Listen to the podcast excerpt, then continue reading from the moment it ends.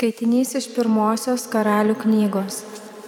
Anuomet Jerobeamas kartą išėjo iš Jeruzalės. Kelyje jis sutiko pranašas Ahijas iš Šilo. Tas buvo užsivilkęs naują apseustą. Kai dabar jie vieni du te buvo atvirame lauke, Ahijas nusivilko naująjį apseustą, paėmė suplėšė jį į dvylika gabalų ir tarė Jerobeamui imk sauk dešimt gabalų. Mat šitaip kalba viešpats, Izraelio Dievas. Atimsiu karalystę iš Saliamono ir dešimt giminių aš tau atiduosiu. Tik viena giminė te palieka jam, mano tarno Dovido dėliai ir Jeruzalės, mano iš visų Izraelio giminių išsirinkto miesto dėliai. Izraelis atkrito nuo Dovido namų ir po šiai dienai tebėra atsimetęs. Tai Dievo žodis.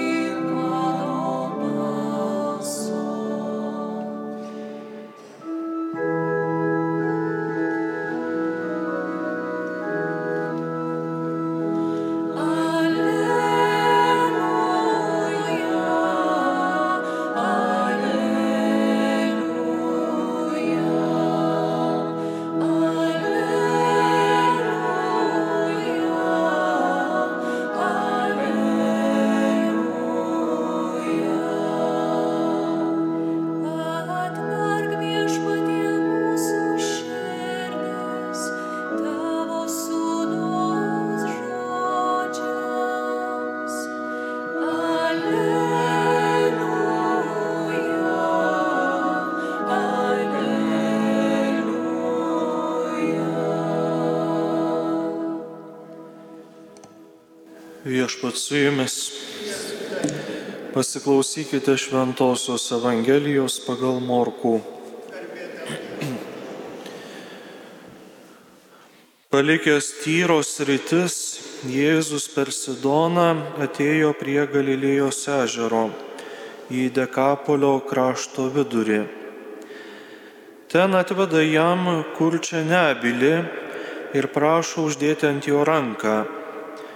Jis pasivedėjo jį nuo šaliai nuo minios, įdėjo savo pirštus į jo ausis, palėtė seilėmis jo liežuvį, pažvelgė į dangų atsiduso ir tarė jam, Efata, tai yra atsiverk. Ir tuo jau atsivėrė jo klausa, atsirišo liežuvio ryšys ir jis kalbėjo kaip reikia. Jėzus jiems liepė niekam šito nepasakoti, bet kuo labiau jis jiems draudė, tuo jie plačiau jį skelbė. Žmonės be galo stebėjosi ir kalbėjo, jis visą gerai padarė, jis daro, kad kurtieji girdi ir nebyliai kalba. Girdėjote viešpatie žodį. Jėzus padaro stebuklą, išgydo. Tikrą stebuklą, kuris turi jau kažkokio ryšio su kažkuo išpranašautų, nes būtent paskutiniai šiandienos Evangelijos žodžiai sako, kad žmonės stebėjosi ir kalbėjo, sako, jis viską gerai padarė, jisai daro, kad kur tie girdi ir nebiliai kalba. Reiškia, kad kažkur iš kažkokia pranašystė buvo atėjusi, kad ateis vieną dieną Dievo siūstasis ir darys būtent tokius darbus. Taigi stebuklas, aišku, ženklas, bet, žinote, Evangelija jinai visuomet mums kalba ne tik apie įvykius, kurie buvo, bet pirmiausia kalba mums į mūsų kasdienybę. Stebuklas, kurį Jėzus padaro, yra tikras stebuklas pirmiausia tame, kad žmogui yra sugražinama komunikavimo galimybė, kūrimo santykio galimybė, girdėti ir kalbėti. Ta prasme, dalykas, apie kurį mes net nesusimastome, bet darome, nes girdime ir šnekame, ar ne? Bet šitam žmogui tai buvo stebuklas, nes jisai vad galėjo pagaliau kurti santyki. Ir, ir kame yra ryšys būtent su mūsų dvasiniu gyvenimu, ogi tame, kad pagrindinis, galėtume sakyti, pagrindinė mintis, kuri lydi visą žydų tradiciją, net iki šių dienų yra įrašo, įrašomi šitie žodžiai, net durų staktose namų, tai žodžiai klausyk, klausyk Izraelį. Matote, ne šiaip pagydimas klausos, bet turintis dar gilesnę prasme - klausytis, kad išgirsti Dievą kalbantį. Iš tikrųjų, neretai žmonių tarpe pasitaiko ir galbūt net mūsų tarpe pasitaiko mūsų gyvenimuose, pasitaiko, jog negirdime Dievo. Tiesiog užakusios ausis galėtume sakyti. Kokia ta kurtumo lyga ir jinai pasireiškia įvairiais būdais. Pavyzdžiui, klaidingi Dievo įvaizdžiai, kuriuos mes nešiojamės. Vienas iš tokių ir iš tikrųjų labai kasdieniškas tai įsivaizdavimas, kad Dievas dalyvauja mūsų gyvenimuose tik tuo met, kai melžiamės. Galėtume sakyti, tarsi paimam tą savo gyvenimą, uždengiam vat, kaip šiltnami plevelę ir tam tikrais momentais atidarau, kad išvedinti. Tai va taip gali atrodyti mūsų kasdienis gyvenimas maldoje. Nes aš, nu, va, yra momentas ryte, galbūt atsikeliu, pasimeldžiu, vakare pasimeldžiu, išvedinu tą savo gyvenimo šiltnami, Dievas atėjo ir Dievas išėjo, daugiau jo nebėra. Tai čia yra klaidingas Dievo įvaizdas, nes Dievas visada yra.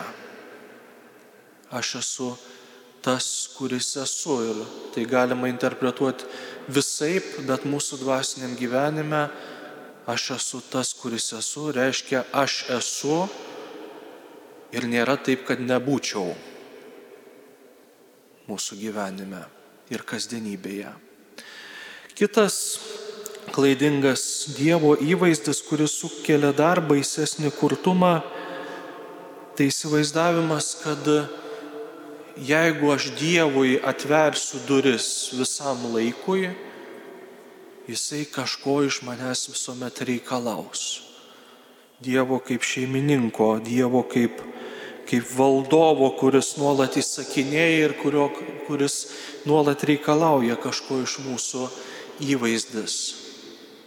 Ir tuomet ateina ne tik, kad kurtumas Dievui, bet ir nebylumas.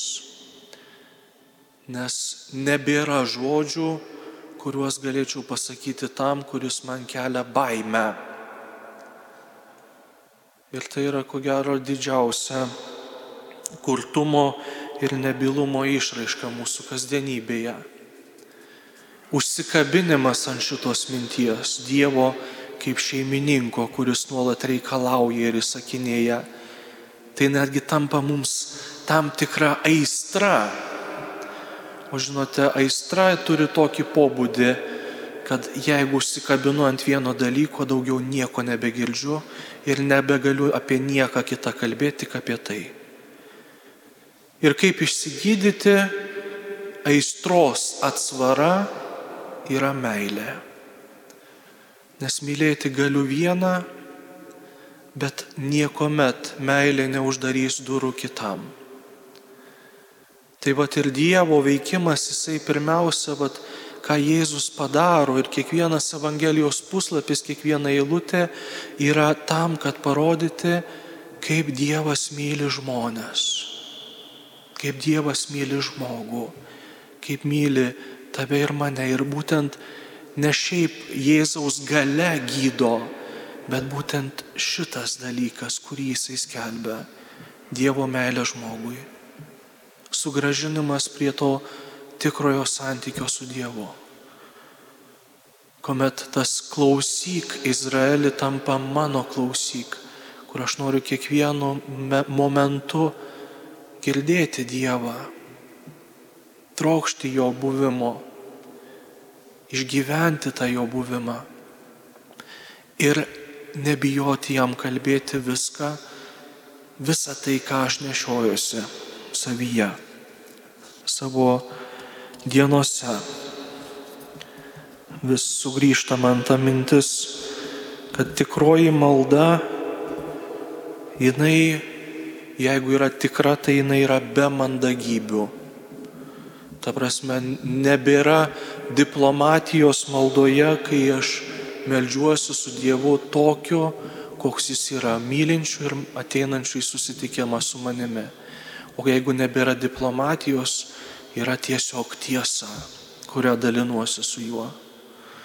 Nebėra taip, kad Dieve, nu, va, aš čia taip pagalvojau, čia galbūt man šiuo metu sunku, Dieve, galbūt būtų maloningas viešpatie, kaip sakant, ar pondeivalė ateik čia į mano kasdienybę, nes man reikėtų tavo pagalbos. Ne, šitai dinksta visose mūsų maldose, yra tiesiog, Dieve, man sunku. Ir Dieve, aš noriu, kad tu būtum šalia manęs, kad tu ištiestum mano ranką, suteiktum supratimą, atneštum šviesos į mano tamsą. Netgi pasakymas, kad aš pykstu, nebijoti, netgi kartais mūsų užplūstančio pykčio dėl pasaulio neteisybės ar viso to, kas vyksta mūsų istorijoje, išsakyti maldoje. Tikroji malda yra tiesa ir tikras pokalbis. Ne mandagus pokalbis, bet tikras pokalbis su Dievu. Bet šitam reikia išgyti nuo, kaip sakau, neteisingo Dievo įvaizdžio. Dievo kaip karaliaus, kuris įsakinėja ir nuolat iš mūsų kažko reikalauja. Ne. Dievas yra tėvas, kuris, vat, grįžus mums iš mokyklos, iš mūsų darbų, užimtumų, jisai laukia, kuomet pasipasakosim jam, kaip yra, kaip norėčiau, kad būtų ir kaip norėčiau, kad nebūtų. Amen.